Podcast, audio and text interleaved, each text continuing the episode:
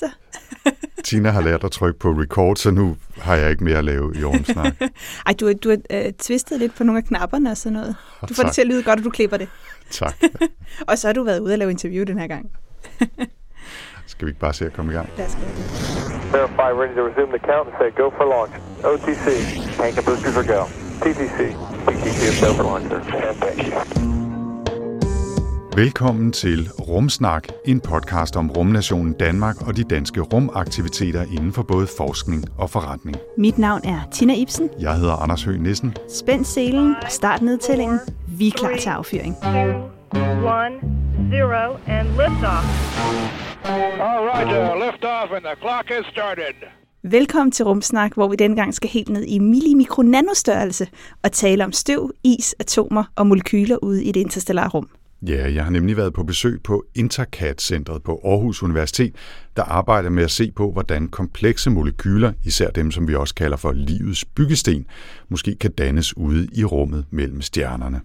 Det vender vi tilbage til lige om lidt, men først skal vi selvfølgelig lige have et par korte rumnyheder og lidt bonus, og så har vi faktisk også en lille overraskelse til jer derude. Det har vi nemlig, og det vender vi tilbage til. Tina, skal vi ikke bare komme i gang med den her episode? Lad os gøre det. Jeg hedder Tina Ibsen. Og jeg hedder Anders Høgh Nissen. Velkommen til. Three, two, one, zero, and liftoff. Inden vi kaster os over astrokemien og besøget i Aarhus, så tager vi altså også lige et par korte nyheder, og jeg lægger bare skamløst ud med lidt opfølgning, eller det som Tina kalder snyde en ekstra historie med nyhed. Jamen, øh, gør det, Anders. Der sker jo meget, så du får lov.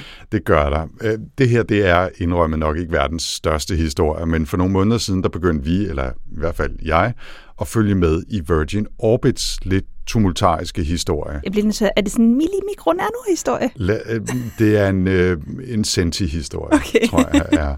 Øhm, de lavede jo den her launch Virgin Orbit øh, med satellitter over fra England under stor bevågenhed, men det gik ikke super godt, og resterne af raketten og al lasten blev spredt ud over Atlanterhavet, så vidt jeg husker. Ikke? Mm. Senere, der satte de sig alle deres ansatte på overlov på ubestemt tid, så fyrede de de fleste kort tid efter, så kom konkurserklæringen, og nu her i slutningen af maj følger så det, der egentlig er den lille opfølgende nyhed, nemlig at den konkurrerende virksomhed, der hedder Rocket Labs, som har haft lidt mere held med deres opsendelser, nu har købt Virgin Orbits tilbageværende aktiver for 16,1 millioner dollars. Det er blandt andet fabrikshaller og nogle maskiner, som Rocket Labs nu formodentlig også vil bruge til udvikling og produktion af deres Neutron-raket, som den kommer til at hedde. Det er i hvert fald et fedt navn, om ikke andet. Men apropos Virgin, så har de ikke kun nedtur, fordi selvom Virgin Orbit, altså deres satellitopsendelsesvirksomhed, nu er crashet, så fortsætter Virgin Galactic stadig sin indrømmet lidt vaklende tur mod en rigtig rumturisme forretning. Dagen efter salget af den her falderede satellitvirksomhed, der fuldførte Galactic nemlig sin femte testflyvning til suborbital højde med det her lidt specielle fartøj, som jo bliver fløjet op til 15 km højde under maven på en særlig flyvemaskine, og så selv fortsætter turen op til næsten rumhøjde. Det er over 80 km, men lige under de 100 km, som vi Amerikansk andre, rumhøjde, ikke? som vi andre betragter som den rigtige rumhøjde. Ikke? Og ifølge Virgin Galactic, så betyder den her succesfulde test, at de kan starte deres kommercielle flyvninger for alvor her i juni, måske allerede efter sine med et hold fra det italienske flyvevåben, så op og ned for Virgin. Og så bliver vi ellers lidt i den her opsendelsesafdeling, Tina. Ja, altså nu tænker jeg, nu har vi sådan meget øh, grundforskningsemne, så nu er det fint, at vi kører lidt rumfartsnyheder Okay. øh, i dag.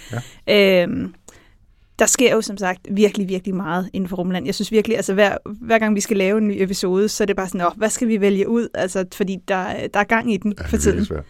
Øhm, og jeg har taget fat i øh, rumvirksomheden Axiom Space, som sendte deres anden kommercielle mission afsted den 21. maj med fire astronauter ombord. og de har ikke deres egne opsendelsesting. De bruger simpelthen SpaceX Dragon til at, øh, at sende afsted. Og de landede så igen ni dage øh, efter den 30. maj, hvor de havde været en tur på den internationale rumstation.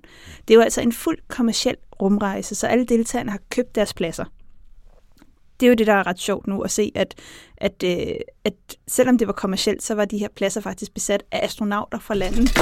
Shit. Jeg fik chok. til, til dem derude, der var lige en øh, mikrofon, der faldt ned her ved siden af. Crazy. Det må jeg lige finde ud af, hvordan vi gør bag. jeg ved ikke engang, hvor jeg skal starte igen. Øh, Øhm, jo. Det var altså en fuld kommersiel rumrejse, og deltagerne havde købt deres pladser. Altså, så det kunne have været dig eller mig, hvis vi havde mange penge, der havde købt øh, vores pladser. Men her, nu på den her tur, der var det altså astronauter fra lande, der normalt ikke har deres eget sådan, mulighed for at sende noget op, hvor de ikke er medlemmer af NASA eller ESA eller andre med opsendelseskapacitet. To af de her pladser var besat af astronauter fra Saudi-Arabien, og Rena Banawi blev den første saudiarabiske kvinde i rummet nogensinde. tillykke. Så det var ja, tillykke med det. Det er dejligt at se nogle flere kvinder få en tur i rummet. Øhm, det rigtig interessante med Axiom, det er, at de faktisk har planer om mange flere missioner. Og det giver jo netop plads til, at de her lande, der normalt ikke har mulighed for at sende deres egne astronauter i rummet, nu pludselig har adgang til rummet. Øhm, og og det gør jo så, at rigtig mange af de her missioner tager op til den internationale rumstation. Og det gør også, at Axiom nu har fået stillet krav fra NASA, om de simpelthen bliver nødt til at sør- sørge for sovepladser og træningsudstyr til de her mange ekstra mennesker, der lige pludselig kommer til at bebo rumstationen. Så lige nu så, øh, så planlægger de et ekstra modul øh, til rumstationen. Okay. Og noget af det, der jo også er, det er, at, at øh, når man er i rummet, så skal man jo træne. Særligt hvis nogle af de her, nu var de ni dage, de var afsted nu, men det kan jo godt være, at der kommer længere missioner fremadrettet. Og så bliver de jo altså også nødt til at kunne træne. Og der er bare ikke tid på de træningsudstyr, der allerede er til de kan man sige, rigtige eller normale astronauter, der tager det op via ESA og NASA og JAXA og, og så videre. Øhm, så derfor så øh, har de faktisk, Axiom har bestilt to rumcykler fra den danske virksomhed Danish Aerospace Company. Så faktisk hele den her kommercielle, ja, over i Odense, Som vi har været og Præcis. overbesøg og fortalt om. Ja. og det er jo sådan noget med, hvad får de en ordre normalt hver 10 år på en rumcykel. Så, så lige pludselig to nye rumcykler er jo en stor ordre for dem. Men det viser også det her med, jamen når vi får det her kommercielle rumfart, jamen så begynder det lige pludselig at sprede sig øh, ud til, til resten af rumfartsindustrien. Ikke? Så der er planlagt mange flere kommercielle missioner. Vi hørte faktisk øh, til launchen for rumrejsen, hvor du og jeg var med i det her store formidlingsprojekt omkring Andreas' mission, at han sagde, at det var måske noget med, der ville komme en anden nordisk person øh, op til rumstationen, mens han var der. Øh, Okay. Og der er jo ikke Har, lige nu... har, at, du, har du købt mig en billet, Tine? Har du købt mig en jeg har billet? tænkt, væk med dig, Anders. Nej, men... Øh, og det er heller ikke mig. Nå, Øhm, okay. Men, men det må være, det, det ved jeg ikke, det er ren spekulation for åben mikrofon det her, men, men der er ikke umiddelbart nogen af de nye astronauter, som vil være klar til at kunne tage afsted. Der var en svensker iblandt, så, så jeg tror ikke, det er nogen af dem, der får en, en rejse eller en Mm. tur. Så det må jo næsten være nogen, der har købt en eller anden form for billet øh, til at tage i rummet. Så det bliver spændende at følge i hvert fald, om der sker det. Som en sidste ting, Mm. så øh, mens de her astronauter var i rummet, der havde vi også en helt ny rekord. Fordi at øh, mens de var afsted på den internationale rumstation, så var der hele 17 mennesker i rummet på en gang. Det er første gang, man har haft så mange mennesker Okay. i rummet. Nå. Seks af dem var på den kinesiske Tiangong øh, rumstation, og 11 af dem var altså på den internationale rumstation. Så Der vil Rekord. være trængsel derude. Jamen det var det, men der, der var også sådan lige, der var øh, bemandingsskifte på Tiangong, og der var det her ekstra sæt, så det var sådan et, det var ikke normalt, at vi kommer til at se så mange, i hvert fald ikke endnu, mm. men, øh, men med flere kommersielle missioner og så videre, så, øh, så kommer vi nok til at se flere og flere mennesker ja. i Ja. rummet på en gang. Er den, den kommer nok ikke til at holde de næste 10 år, den rekord. Nej, det tror jeg heller ikke. Lad os uh, lige blive ude i, uh, i rummet også med den sidste nyhed her, men dog måske med lidt mere videnskabelig uh, twist, ikke? fordi tilbage i april, jeg tror det var den 14. april, der opsendte ESA jo JUICE, Jupiter Icy Moons Explorer, på en lang tur ud mod uh, Jupiters måner. Jeg synes stadigvæk, det er fascinerende, at det er om otte år, altså i 2031, at uh, JUICE ankommer ud ved Jupiter efter en hel masse flybys omkring Jorden og Venus og så videre. Kan vi vide, at vi laver rumsnak til den tid? Ja, det, det tror jeg, vi kom til at love hinanden, Ja, at vi vi ville det? gøre, så vi kunne følge ankomsten derude. Ikke? Og så er det Ja. jo faktisk først i 2034, at den ligesom indtager sit endelige omløb om Ganymedes, Ja. øh, så vidt jeg husker. Ikke? Den skal selvfølgelig ud og, og undersøge de her måner, Europa, Ganymedes og Callisto. Nå, den JUICE-relaterede nyhed er, at ESA har bekræftet, at alle fartøjets paneler og antenner og instrumenter nu er klar og i funktionsdygtig tilstand. Og det er, jo, det er jo ret rart at vide, fordi ellers så sender man bare en bunke skråt ud til Jupiter. Ikke? Det er jo ikke særlig fedt.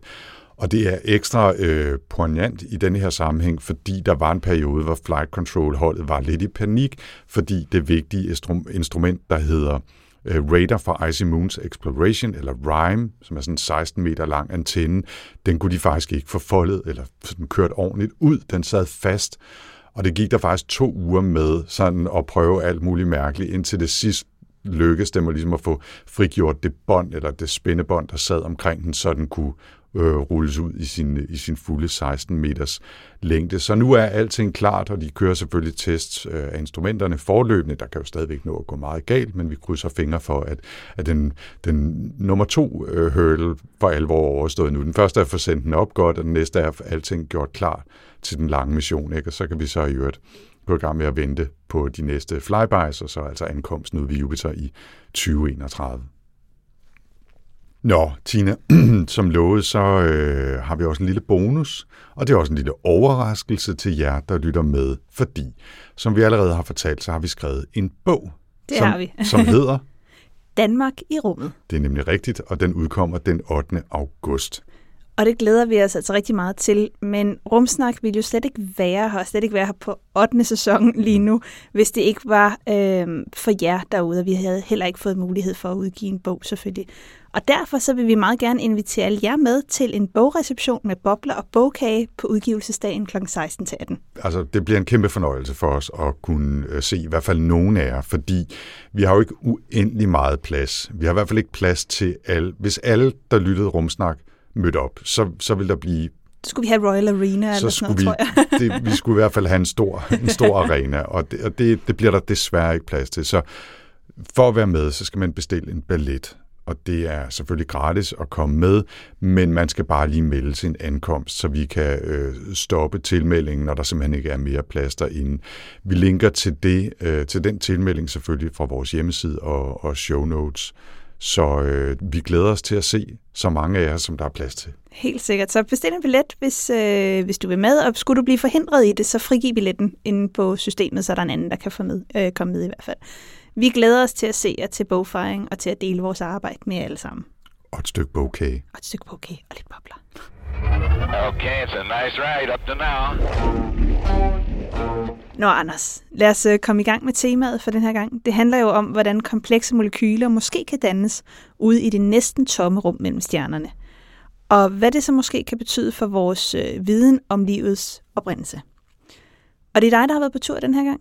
Ja, det er det nemlig. Jeg var i slutningen af maj over i Aarhus for at besøge professor Liv Hornekær på det såkaldte Intercat Center på Aarhus Universitet. Og hvis man lige piller navnet lidt fra hinanden, så forklarer det faktisk ganske fint, hvad det egentlig er, som Liv og hendes kolleger laver derovre. Fordi Inter, det kommer fra interstellar, altså mellem stjernerne, og med fordi centret præcis arbejder med det her støv og is, som man finder derude. Og CAT, det kommer fra det engelske catalysis, altså katalyse, som jo er en kemisk proces, som startes af ja, en katalysator, som det hedder, et eller andet fænomen eller stof, som starter eller øger hastigheden af en kemisk proces, uden selv at indgå i den her proces. Og i den her sammenhæng, så er det altså ideen om, at interstellart støv kan være en slags katalysator for dannelsen af komplekse molekyler, sukker, fedt og andre ting, som vi tit omtaler som livets byggesten.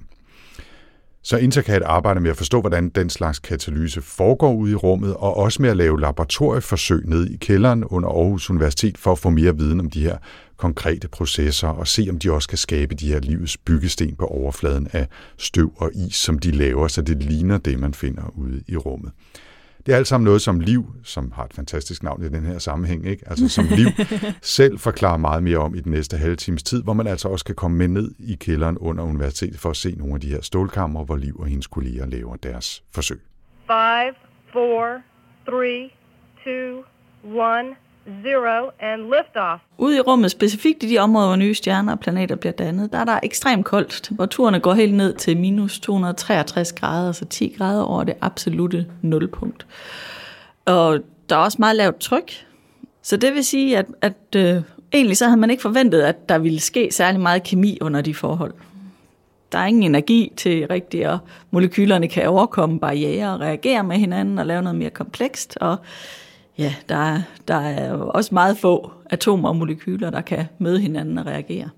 Men man har så efterhånden, som årene er gået, fundet flere og flere molekyler derude, og nu har man fundet over 200 forskellige molekyler ude i de her ekstremt kolde og mørke områder. Så der er altså en overraskende stor kompleksitet, kemisk kompleksitet eller molekylær kompleksitet ude i de her meget kolde områder af universet. Det er gigantiske støv- og molekylskyer, vi taler om, der hvor nye stjerner og planeter bliver dannet. Og det vil man jo gerne forstå, hvordan kan man lave så komplekse molekyler, når der er så koldt, og der er ingen energi er til rådighed, og der ikke er særlig mange molekyler og atomer, der kan reagere med hinanden. Og så øh, allerede i starten af det sidste århundrede, der kom der nogle forslag om, at det kunne være, at øh, bitte små nanoskopiske støvkorn, der var ude i de, universet i de her samme områder, at det var dem, der på en eller anden måde kunne katalysere dannelsen af noget mere komplekst. Og når vi siger katalysere, så mener vi, at de her støvkorn på en eller anden måde hjælper reaktionen på vej. Og det kan være på alle mulige forskellige måder. Det kan for eksempel bare være ved, at på støvkornet, der kan molekyler og atomer møde hinanden lettere, fordi der simpelthen kan være en større tæthed af molekyler og atomer på de her støvkorn, end der er ude i rummet i gasfasen, siger vi, mellem støvkorn. Så der er større chance for, at de overhovedet kan møde hinanden. Så det med at give et mødested, det kan allerede være øh, en måde for de her støvkorn at katalysere en reaktion. Det kan også være, at øh, de kan hjælpe med, at det molekyl, der bliver dannet, kan komme af med noget overskydende energi. Hvis vi ser på molekylær brint for eksempel, så hvis to brintatomer møder hinanden i gasfasen, så kan de simpelthen ikke danne molekylet, et brintmolekyle alene, for der er ingen måde, hvorpå de kan komme af med den energi, der bliver frigivet, når molekylet bliver dannet. Så derfor skal de have et eller andet tredje læge, men det kan være et tredje brintatom, eller det kan være overfladen af et støvkorn, der kan have den her ekstra energi med. Så det er også en måde, støvkornene kan katalysere reaktionerne. Og til sidst så kan de også øh, gøre, at øh, tit, når et molekyl skal dannes, så er der en eller anden energibarriere. Der skal noget energi til, for at molekylet kan blive, for at reaktionen kan, kan køre. Og i nogle tilfælde, der kan de her støvkorn også hjælpe med til at gøre den her barriere mindre, så der ikke skal så meget energi til, for at reaktionen kan foregå.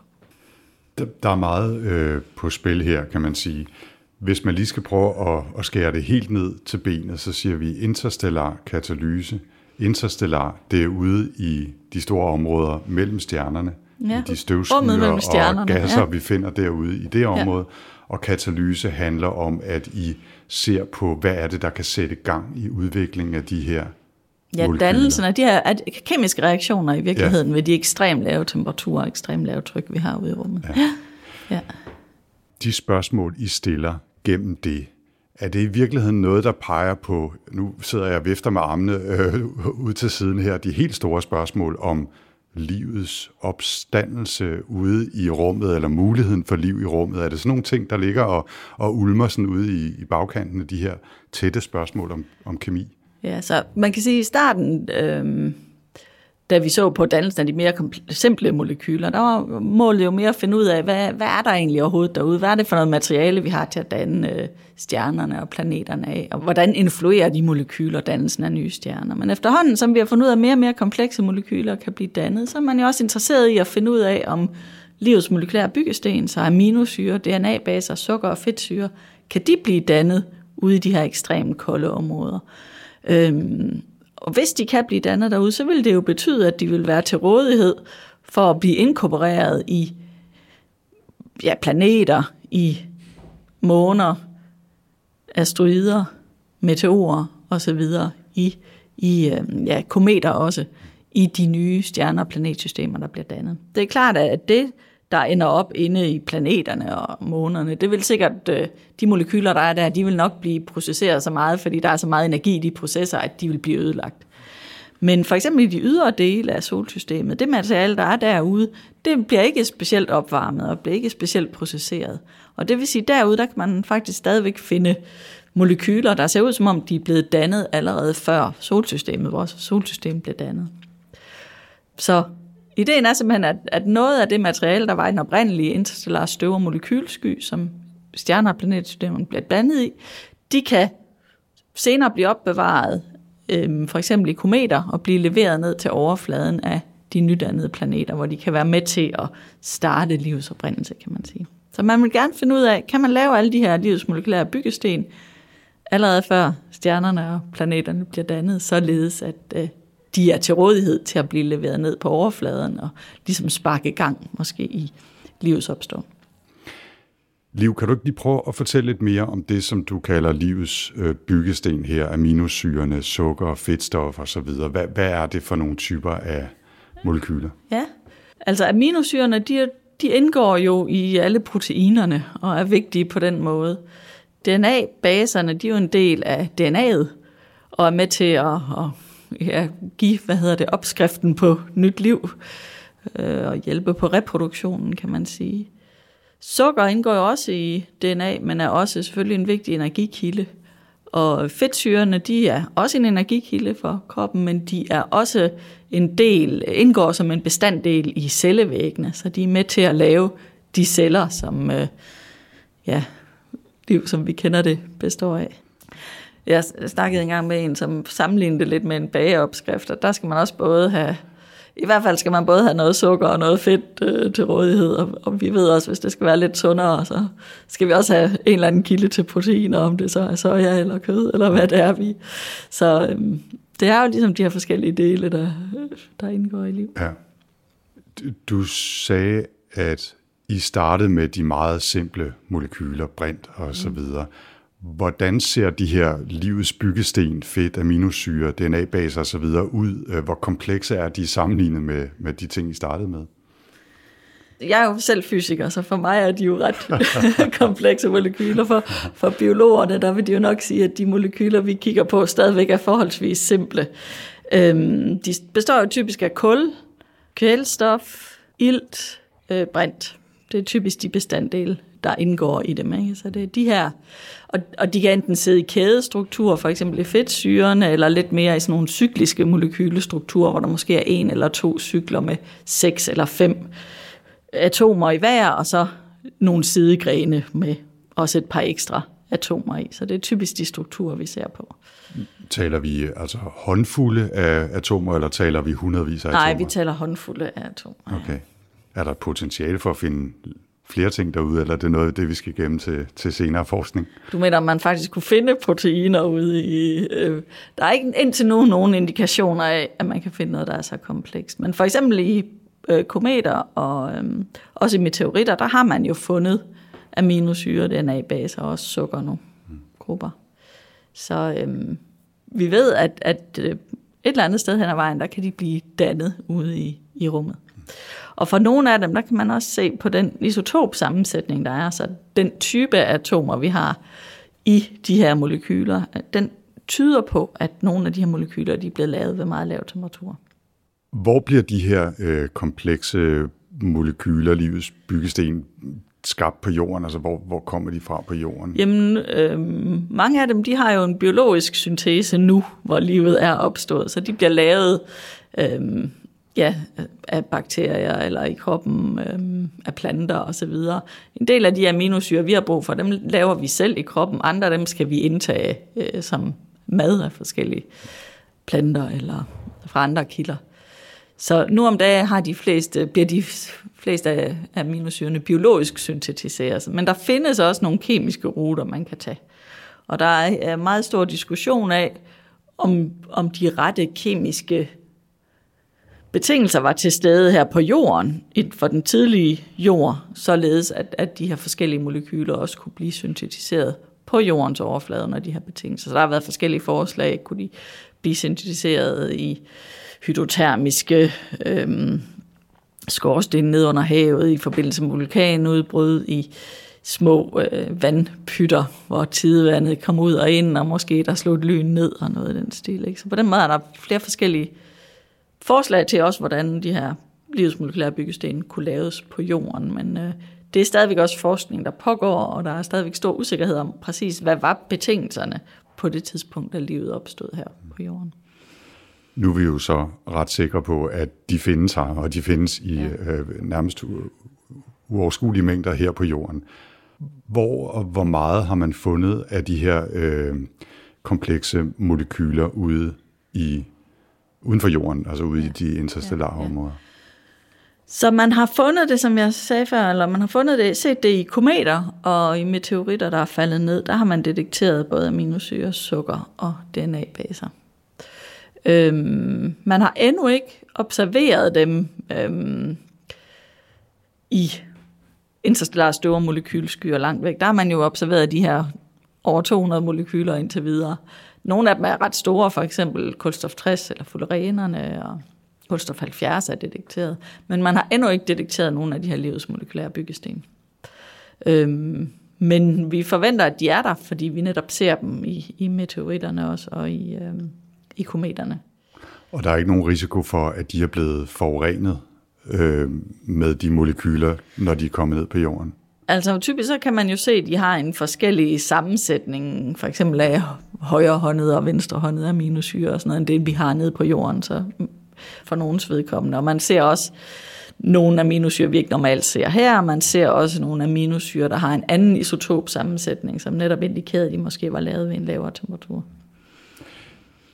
Nu snakker vi om, at, at den måde, I, jeg skulle sige, vi, I har set det på nu, er typisk ved meteoritter og kometer osv.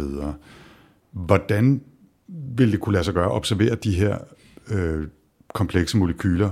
Hvordan vil vi kunne se et spor efter dem derude? Jamen det man ser på, øh, når man, også når man finder de andre mere simple molekyler ude i rummet, det er jo at se på, øh, hvis man har sådan en stor støvsky, og der ligger en stjerne om bag ved den, kan man så se øh, nogle bestemte bølgelængder af lys, hvor det lys mangler. Man ved, at stjernen den udsender sådan rimelig bredt ved alle mulige forskellige bølgelængder. Hvis nogle bølgelængder de mangler, for eksempel i lyset, så regner man typisk med det, fordi der er nogle molekyler på vejen, der har absorberet det her lys og optaget det. Og hver enkelt molekyle har nogle bestemte farver af lys eller bølgelængder af lys, som det gerne vil øh, absorbere. Og det vil sige, baseret på det, så kan man ligesom, man kan sige, at molekylerne har deres eget fingeraftryk. Og ved at finde de her fingeraftryk, så kan man så identificere øh, molekylerne. Men når vi kommer til de her mere komplekse, biologisk relevante molekyler, så de her fingeraftryk, de begynder mere og mere at ligne hinanden, kan man sige. Altså det bliver sværere og sværere måske at skelne det ene molekyle fra det andet. Øhm, så det er en af udfordringerne i det, kan man sige. Det var måske også lidt det, jeg fiskede efter, altså at, at de her øh, traditionelle metoder måske vil kunne få svært ved at skelne mellem de forskellige molekyler. Og så tænkte jeg også på, om de overhovedet findes i mængder, der gør, at vi har en chance for at måle dem. Altså det skal vel være relativt fint følgende instrumenter, før man kan måle det lys, der er blevet absorberet af ret små mængder molekyler på støvkorn derude. Ja, men øh, der er jo ingen, for, vi prøver det jo lige nu, for eksempel med James Webb Space-teleskopet, der detekterer man jo også øh, de molekyler, der sidder i isen på overfladen af de her interstellare støvkorn, og prøver at finde ud af, man kan se en hel del af de bestanddele. Der er der selvfølgelig vand, der er metanol, der er CO2 og der er CO. Men man prøver også at se efter, er der nogle steder, hvor man har en absorption, der matcher til, at vi kunne have nogle af de her mere biologisk relevante molekyler. Så der er en håb om at kunne, kunne direkte observere det derude?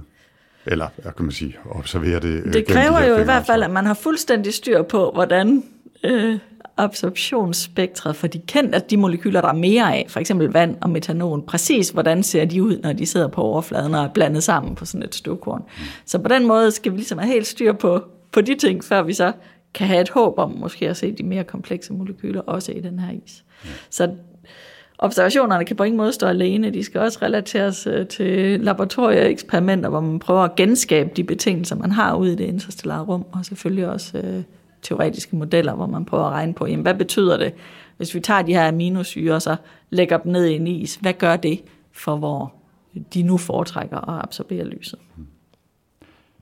Vi vender tilbage til det med laboratorieforsøgene lige om et øjeblik, men for lige at rekapitulere, altså øh, hvis jeg skal opsummere jeres hypotese, eller det, den, det arbejde, I laver her på, på Intercat, så er det, at interstellar støvkorn i nanoskala fungerer som katalysatorer for dannelsen af komplekse molekyler i det interstellare rum. Vi har allerede været lidt inde på, at det er småt støv, og det er ude mellem stjernerne, at det her støv fungerer som katalysatorer. Men sig lige lidt mere om de her interstellare støvkorn. Altså, ja. hvad er det for noget? Hvor kommer de fra? Hvordan udvikler de sig osv.? Ja. Når stjerner de er på vej hen mod slutningen af deres livscyklus, hvis de ikke er alt for store, men som for eksempel vores egen sol, så kan de blive røde kæmper, og der kan de udsende en hel masse materiale. Og det her materiale, der kan man have, få sådan en magisk zone, hvor vi stadigvæk har en forholdsvis stor tæthed af det materiale, der bliver udsendt fra stjernen, men samtidig så lave temperaturer, at materialet kan begynde at, altså atomerne kan begynde at kondensere, og reagere med hinanden og kondensere og lave små bitte støvkorn. Så det regner vi med er hovedmekanismen for dannelsen af støvkorn. Men formodentlig kan supernovaer også, eller nogle typer af supernovaer også bidrage med dannelsen af støvkorn. Øhm, støvkornene de er typisk enten silikater, så det vil sige med silicium, ilt, magnesium eller jern, øh, svarende til øh, sandkorn, kan vi sige. Eller også så er de sødpartikler, så kul, måske kul med noget ild, kul med noget nitrogen, kul med noget brint. Så sødpartikler eller sandkorn har vi typisk. Og når vi så kommer ind øh, i de mere kolde områder af, af rummet i de her interstellare støvmolekylskyer, hvor vi kan have temperaturen så lave, at øh, tyngdekraften kan vinde over trykket, og vi kan få kollaps og dannelse af nye stjerner og planetsystemer. I de her områder, jeg sagde før, der var temperaturen helt ned til de der minus 263 grader. Det betyder jo så også, at alle mulige andre øh, molekyler, som vand, metanol, ammoniak, CO, CO2, alle de her andre molekyler, de begynder at kondensere ud på overfladen af støvet. Så det vil sige, at det bliver dækket af et lag af is. Så vores sandkorn eller vores sødpartikler bliver dækket af et lag af is, hvor den her is ikke kun er vandis, men også har alle de her andre øh, molekylære elementer. Hvor store er de her støvkorn? Jamen, øh, typisk så er der flest af de rigtig små, og så kan de, har de nok sådan en kontinuert størrelsesfordeling, så det kan være, at der er nogle meget få, der er på størrelse på planeter, men de spiller nok ikke den helt store rolle. Det, der spiller den største rolle for de her katalytiske reaktioner, det er de små støvkorn. Og typisk som sådan fingerregel, der siger vi, at et typisk støvkorn er omkring 100 nanometer. Så en Så tiende småt. del mikrometer. Eller Det er småt. En, ja, 10.000 del millimeter. Ja. Men hvor meget er det er der derude? Jeg ved godt, det er et meget åbent spørgsmål, men altså i de områder, I er interesseret i, kan man sige noget om det? Så hvad kan vi, det er jo, det er jo en skygge, så på den måde er det jo, hvis vi ser på de tætte store molekylskyer, så kan lyset jo ikke trænge igennem, men det er jo også fordi, det er meget store strukturer, så selvom der er langt mellem støvkornene, så øh, får de alligevel dækket ret godt af for lyset. Ja, fordi der, Ja. der er meget, meget Ja. rum imellem Ja. øh, lyskilden, stjernen Ja. og os, Ja. øh, så, så skal der virkelig ikke en særlig stor Ja. tæthed til for Ja. at skygge. Men den siger. masse, der er i gassen, den er klart meget større end den, der er i, i støvet. Mm. Ja. Okay. De her øh, komplekse molekyler, som I ser på, hvis vi nu øh, stadigvæk snakker om dem, som, som findes ude i de interstellare øh, støvskyer, er det nogen, som på en eller anden måde bliver påvirket af den kosmiske stråling? Altså er det, eller er de ikke så avancerede endnu, så livagtige endnu, at, de, at det er et problem? Jamen altså, kosmisk stråling, det har vi jo alle steder, men hvis det kun er den kosmiske stråling, vi ser på, så kan den være med til faktisk at hjælpe nogle reaktioner. Den kan ionisere nogle molekyler ind i de her tætte støvmolekylskyer, eller, eller dissociere dem og være med til på den måde egentlig at få nogle nye reaktioner i gang. Øhm, hvis du tænker mere på UV-stråling, som man har i andre områder af, af rummet, så er det klart, at at hvis man er i et område med høj UV-stråling, så vil man kunne ødelægge mange af de her molekyler. Ikke dem alle sammen. I nogle tilfælde, der ser man jo, at hvis man har en is, øhm, som efterligner det, det, vi forventer, vi har ude på de interstellare øh, støvkorn, og så bestråler den, så kan man faktisk få lavet nogle af de her mere komplekse molekyler ved den her energetiske processering. Så der kan det føre til dannelsen af molekyler. Men det er klart, hvis vi ser i gasfasen, og, og strål, eller hvis strålingen bare er høj nok, så kan vi også ødelægge alt det, vi har af komplekse molekyler. Øhm, men lige præcis i det her øh, tætte støvmolekylskyer og nye stjerner og planeter, de bliver dannet, der har vi jo netop så høj en tæthed, at der er meget lidt UV-stråling, fordi den bliver simpelthen øh, skærmet af af støvkornene og af de atomer, vi har inde i, i, de her, eller de ydre lag af de her støvskyer. Så der er meget lidt stråling inde i center. Faktisk kun det, som den kosmiske stråling bibringer. Five, four, three, two, one, zero, and liftoff. Liv, øh, noget af det, som I prøver på centret, det er jo at genskabe nogle af de forhold, som man finder ude i det interstellare rum for at undersøge dannelsen af, af de her komplekse molekyler. Hvordan gør I det? For nu at spørge meget åbent. Altså, hvordan genskaber man de forhold? Jamen, så ned i laboratoriet, der prøver vi jo, eller der køler vi overflader ned til, vi kan køle dem helt ned til mm, 4 grader over det absolutte nulpunkt, så vi kan faktisk gå ned til lavere temperaturer, end det vi typisk regner med at have ude i de her interstellare støv- og molekylskyer. Så vi vil selvfølgelig også gå op, så det matcher med de 10 grader eller 30 grader, alt efter lige præcis, hvad det er, vi gerne vil se efter. Så temperaturen, dem kan vi godt nå ned til. Vi bruger simpelthen flydende helium til at køle vores prøver ned til de her ekstremt lave temperaturer. Så med hensyn til tryk, hvis vi skal nå ned på lavt tryk, så har vi typisk en, en, nogle kæmpe store øhm, stålkamre, som vi kan pumpe ud med nogle pumper, der står og pumper hele tiden, så vi kan nå ned på det her ekstremt lave tryk, som kommer meget tæt på det, vi har ude i den interstellare. Det er ikke helt så lavt, som det vi har derude, men omvendt så øh, bliver vi også nødt til at lave vores eksperimenter lidt hurtigere, end eksperimenterne typisk sker i det interstellarmedie. Så med selve støvkornene, der bruger vi ikke rigtig interstellare støvkorn. Vi, bruger, vi prøver at efterligne støvkornene hernede på jorden, så vi kan gøre det ved at bruge for eksempel grafit, som er et model for de kulbaserede støvkorn. Vi kan også øh, lave mere amorfe strukturer ovenpå grafitten, eller sende bestemte kulbaserede molekyler, polycykliske aromatiske kulbrinter, som der også er meget af ude i rummet, dem kan vi sende ind på de her overflader, og så bruge til at simulere, hvordan de overflader opfører sig. Vi kan også lave nanostrukturer på overfladerne for at simulere, at vi har de her nanopartikler ude i, i rummet.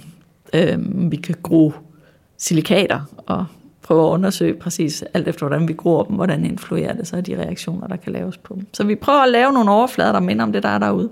Det kan også være isoverflader med blanding af forskellige is, og så kan man se, hvad sker der, hvis man sender atomer ind på dem, hvordan vil de så reagere. Så det er den måde, vi gør det på. Så I, I genskaber med tryktemperatur og overflader de forhold, der er derude, øh, de forsøger at lave altså støvkorn-replikater ja. ja. af det i virkeligheden, ja. ikke?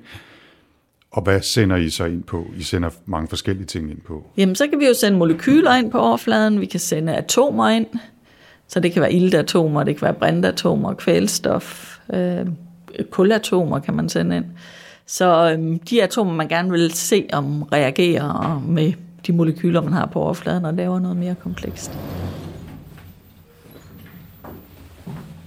Ja, det var så den første bid med professor Liv Hornekær, men vi skal også som lovet ned i kælderen under universitetet for at se noget af det, man kunne kalde små verdensrum, øh, vakuumkammer, der skal efterligne forholdene ude mellem stjernerne, og hvor man så kan anbringe små støvkorn og beskyde dem med atomer og molekyler for at se, hvad der sker så.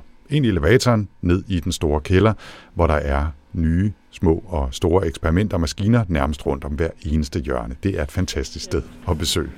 Og jeg vil bare sige, Liv, du bliver simpelthen nødt til at følge mig tilbage, fordi øh, jeg har været så opmærksom på at gå og snakke med dig, at jeg har fuldstændig mistet orienteringen. Jeg vil, jeg vil, øh, jeg vil dø af sult hernede på et eller andet tidspunkt, hvis jeg ikke bliver fuldt med og, så det her det er et af de her øh, ultrahøje vakuumkammer, hvor vi prøver at genskabe den, de omstændigheder, der er ude i det interstellare medie. Så herinde i centrum af det her store rustfri stålkammer, der har vi en meget lille prøve. Du kan nok ikke se den lige nu, fordi det hele er ved at blive pakket ind, så det kan blive bagt. Men øhm, inde i midten der har vi en meget lille 1 cm prøve, og alt det uden omkring det, så udstyr til at måle på den her lille 1 cm prøve, der så kan være enten en kulbaseret prøve, eller en silikat, eller det kan også være en is, der bliver puttet på overfladen. Og nu sagde du, det er et rustfrit stålkammer. Ja. Øh, kan du ikke lige prøve at beskrive det? Hvor stort er det? Og, og en lille smule af det her lidt kaotiske visuelle indtryk, det giver. Jamen, det er nok cirka hvad, 70 cm i diameter, eller noget i den stil. Det er sådan en mandshøjde, vil jeg sige den høje side, og så ovenover er der en, en manipulator, der stikker endnu højere op, så vi er oppe i 2,5 meter eller noget i den stil på toppen af det. Så er der en masse slanger, der går ind øh, i det, og det er slanger lige nu med flydende kvælstof, som vi kan bruge til at køle prøven ned med, men den kan også blive sat op til flydende helium, så vi kan nå helt ned på de der minus 263 grader, hvis det er, hvis det, er det, vi skal. Der er en masse pumper forbundet til kammeret, som hele tiden står og pumper luft ud, sådan at vi kan nå til de ekstremt lave tryk, vi har ude i det interstellare medie. Og så har vi en masse måleinstrumenter. Instrumenter, der kan måle de molekyler, der kommer væk fra overfladen, hvis den bliver varmet op eller bliver beskudt med en laser. Vi har instrumenter, der kan måle, hvilke elementer vi har siddende på overfladen. Øhm, ja. Vi har atomare kilder, så vi kan sende atomer ind på en overflade. Vi har molekylære kilder, så vi kan sende molekyler ind på overfladen, og så lave en blanding af is, eller se på reaktioner mellem et bestemt molekyle og atom på den her overflade. Og du, nu kaldte du det, jeg tror, manipulator ovenpå. Der sidder ja. nogle store øh, cykelkæder og et, ja. et, et, et eller andet aggregat, som ligner, det kan hejses op og så videre. Hvad, hvad går det ud på? Det er simpelthen sådan, at man kan tage prøven og flytte den rundt lige foran for eksempel en atomar kilde og sende atomer ind, eller lige foran den molekylære kilde sende molekyler ind, lige foran øh, et instrument, hvor man kan måle de molekyler, der forlader overfladen, eller lige foran et øh, instrument, hvor man kan måle, hvad er det for nogle elementer, vi har på vores overflade. Så vi kan simpelthen lave forskellige målinger og lave, bombardere det med forskellige molekyler og atomer, alt efter lige hvilken vej vi vender det. Det kunne også være lys, vi bombarderede det med. Ja. Nu er det her kammer jo ikke lige i, i gang med at lave noget nu, og, og der sidder også sølvpapir alle vejen. Ja. Øh, forklar lige, hvorfor det er. Jamen, det er jo, når vi skal bage øh, kammeret, varme det op for at komme af med vandet inde i det, så bliver vi nødt til at sørge for, at den her opvarmning sker sådan rimelig jævnt ud over alle delene af kammeret. Hvis en lille del bliver varmet meget hurtigt op end andre, så risikerer vi, at den udvider sig eller trækker sig voldsomt sammen i forhold til det omkringliggende, og at der så kommer øh, Øh, revner, kan man sige, hvor luften kan komme ind. Og hvis vi pludselig får luft ind i vores kammer, mens vi er ved at bage det, så vil det være meget uheldigt. Så vil der være alle mulige ting, der går i stykker. Så vi bliver nødt til at sørge for, at det er en rimelig ensartet opvarmning, vi har over hele kammeret. Øh, nu er det øh, ikke for at forklare rengøringen her vel, øh, Liv, men det er jo ikke lige frem et clean room, det her. Er, er det noget, man overhovedet skal være opmærksom på i, i forhold til de øh, prøver af støv, I sætter ind, og, og, og de molekyler og atomer, I beskyder vi har, øh, altså, vi har nogle molekyler, vi har arbejdet med, hvor de for eksempel ikke måtte øh, blive udsat for luft. Så så har vi selvfølgelig skulle gøre alt muligt for at prøve at have dem i en nær atmosfære hele vejen fra vi tog dem ud af beholderen og ind til de endte inde på vores overflade, eller blev fordampet ind på overfladen. Så for nogle af de prøver, vi har, der er det øh, kritisk, og så bliver vi nødt til at gøre ting for at sørge for, at de ikke bliver udsat for, for øh, ja, luft, eller hvad det nu er, de, de ikke skal udsættes for. Og hvad med jeres støvanaloger? Øh, jamen, vores støvanaloger, jamen, dem laver vi jo for det meste in situ inde i kammeret. Så på den måde, så øh, bliver de skabt fra, simpelthen bygget op af atomare eller molekylære byggesten inde i kammeret. Så. Hvordan det? Jamen simpelthen ved, at vi sender, for eksempel, vi gik forbi et eksperiment herude, hvor de prøver at lave silikater, så har de en, øh, en øh, siliciumstav, som de fordamper silicium fra, og så sender de ilt ind, iltatomer ind med en anden doser, og så sender de magnesium eller jernatomer ind fra en, en tredje doser. Så på den måde så bygger de simpelthen støvkornsoverfladen op ved, fra de enkelte atomare byggesten. Så man bygger støvet inde i ja. de her kammer, ja. Og så øh, sender man senere atomer eller molekyler ind på. Øh, for, for at se, om det sætter sig, og, og, og, og, og hvordan det sætter sig. Ja. Ja. Ja. Nå, fantastisk. Øh, hvad, hvad er det næste eksperiment, I skal lave hernede? Øh, det næste eksperiment, vi skal lave, altså lige nu herinde, der bliver der lavet nogle eksperimenter for at se, hvis man har glycin, øhm, og så bombarderer det med brint, kan man så få lavet nogle mere komplekse aminosyre. Spændende. Det glæder vi os til at høre mere til. Tusind tak for fremvisningen med 1, 2, 3, 4 eksperimenter, lige, jeg lige kunne se, eller kammer. Mm. Lad os gå tilbage op og tage den sidste del af snakken og høre om, hvad I skal arbejde på fremover også. Ja, lad os gøre det. Du viser mig. Ja. Jeg er altså lidt misundelig over, at jeg ikke kunne være med. Det skal du også være. Men øh, vi skal altså også tilbage til øh, Livs kontor for at høre om nogle af de resultater, der forløbig er kommet ud af arbejdet på Intercat, som blev startet i 2020. Og i hvert fald skal fortsætte arbejdet frem til 2026. 5, 4, 3, 2, 1, 0 and lift-off. Vi har jo fundet ud af, at øh, glycin, den simpleste aminosyre, kan dannes i det interstellare medie. Så det har vi fundet ud af ved altså et ekstremt lave temperatur. Så uden at, at sende ekstra energi ind, kun ved at sende øh, brintatomer ind på en øh, sådan en mixet is, der kan man lave glycin. I har fundet øh, glycin, eller I har vist, at, at glycin kan, kan skabes på overfladen af de her øh, interstellare støvkorn. Du har snydt lidt øh, hjemmefra liv og taget en, en model med af det, I har fundet.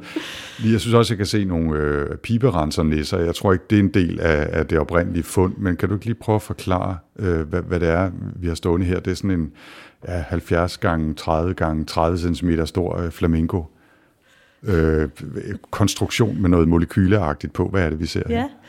Jamen, det skal sådan forestille et interstellar støvkorn, så vi har en masse flamingo, der er malet sort for at vise det er sådan en kulbaseret støvkorn, og så har vi nogle hvide områder, som så skal forestille de is- islagene, der vil være på de her interstellare støvkorn.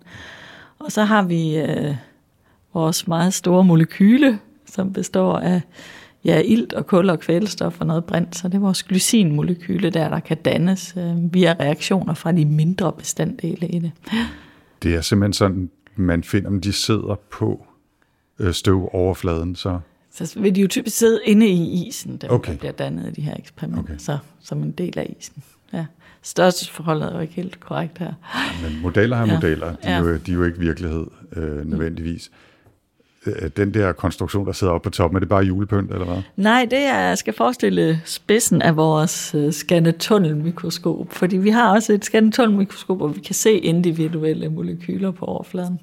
Og det skulle du måske også lige knytte et par ord til, fordi øh, indtil videre har vi talt om de eksperimenter, I laver, og hvad I håber at kunne se, øh, hvordan I beskyder overfladerne med forskellige molekyler og atomer. Ja. Hvordan ser I så, om de er der, Ja. og ser, om der er noget? Ja, så glycineksperimenterne, øhm, de var lavet i Holland af den del af centret, der er i Holland, og øh, der brugte de det, der hedder infrarød spektroskopi til at se den.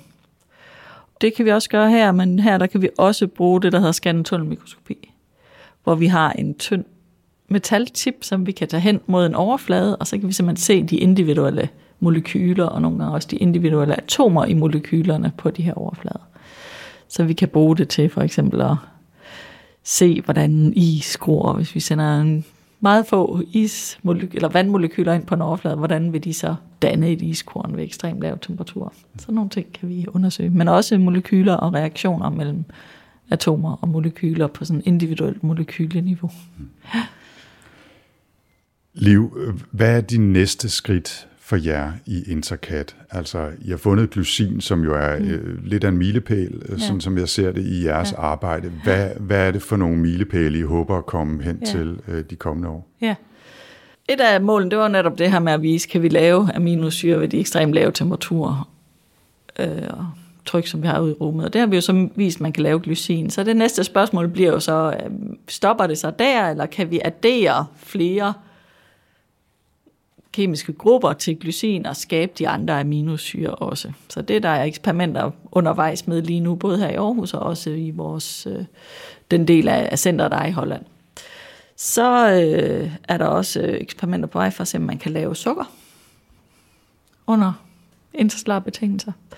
Og som jeg sagde før, så har vi lavet nogle eksperimenter, som øh, synes at vise, at vi kan lave fedtsyre, men de er ikke publiceret endnu, så det vil jeg ikke gå i detaljer med. Øhm, DNA-baser har vi stadigvæk til gode, så der har vi ikke rigtig lavet de store fremskridt der, men håbet er selvfølgelig også, at vi kan se øh, den vej og prøve at undersøge, kan vi lave nogle DNA-baser under de interstellare betingelser. Men det vi selvfølgelig også er interesseret i, det er jo ikke kun, hvad vi kan lave, men også at finde ud af, om der er noget, vi ikke kan lave. Fordi hvis man finder ud af, at nogle typer, for eksempel aminosyre, kan man godt lave, andre kan man ikke, så er det jo interessant at relatere det til, hvilke aminosyre er vigtige for livets oprindelse. Er der en match mellem det og det, vi kan lave i et interstellare medie, eller er der ikke? Fordi det kunne måske give en indikation af, om det overhovedet er relevant at, at overveje det her med, om livets byggesten er leveret fra rummet eller ej. Hvis vi finder, at der overhovedet ikke noget match, at vi kan lave alting, eller nogle helt andre, har størst chance for at lave nogle helt andre aminosyre, end dem vi kender her fra jorden, jamen, så vil det være en indikation af, at det er nok ikke den vej, vi skal kigge. Omvendt, hvis vi finder ud af, at vi har en selektivitet mod de aminosyre, der er vigtige for livet her på jorden, så kunne det jo være en interessant indikation af, at der måske er en interstellar forbindelse, kan man sige. Så er der nogle ting, I har fundet ud af, I ikke kunne lave? Ikke endnu. Ikke endnu.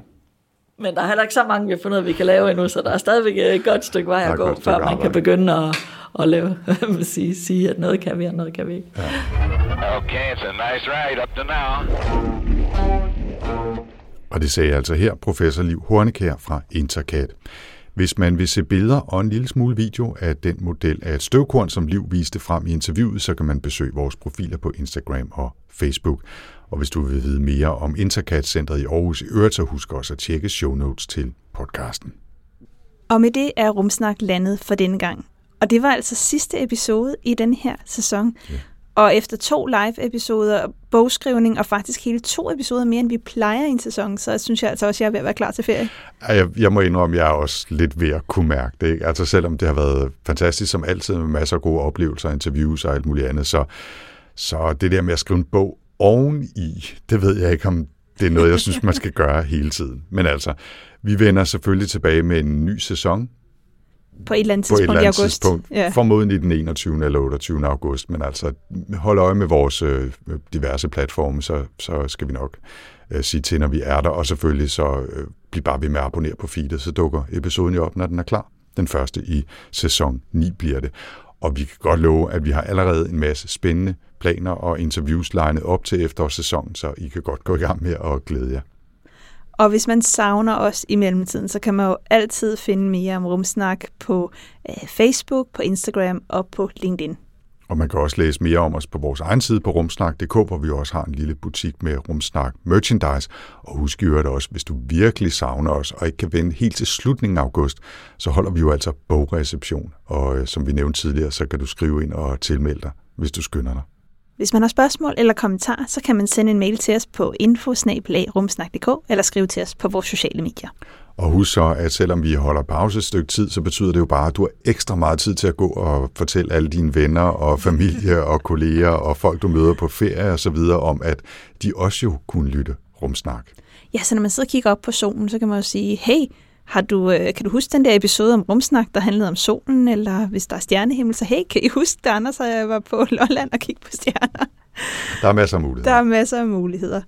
Rumsnak er støttet af Novo Nordisk Fonden og bliver produceret af Potlab. Jeg hedder Tina Ibsen. Og jeg hedder Anders Høgh Nissen. Tak for denne gang.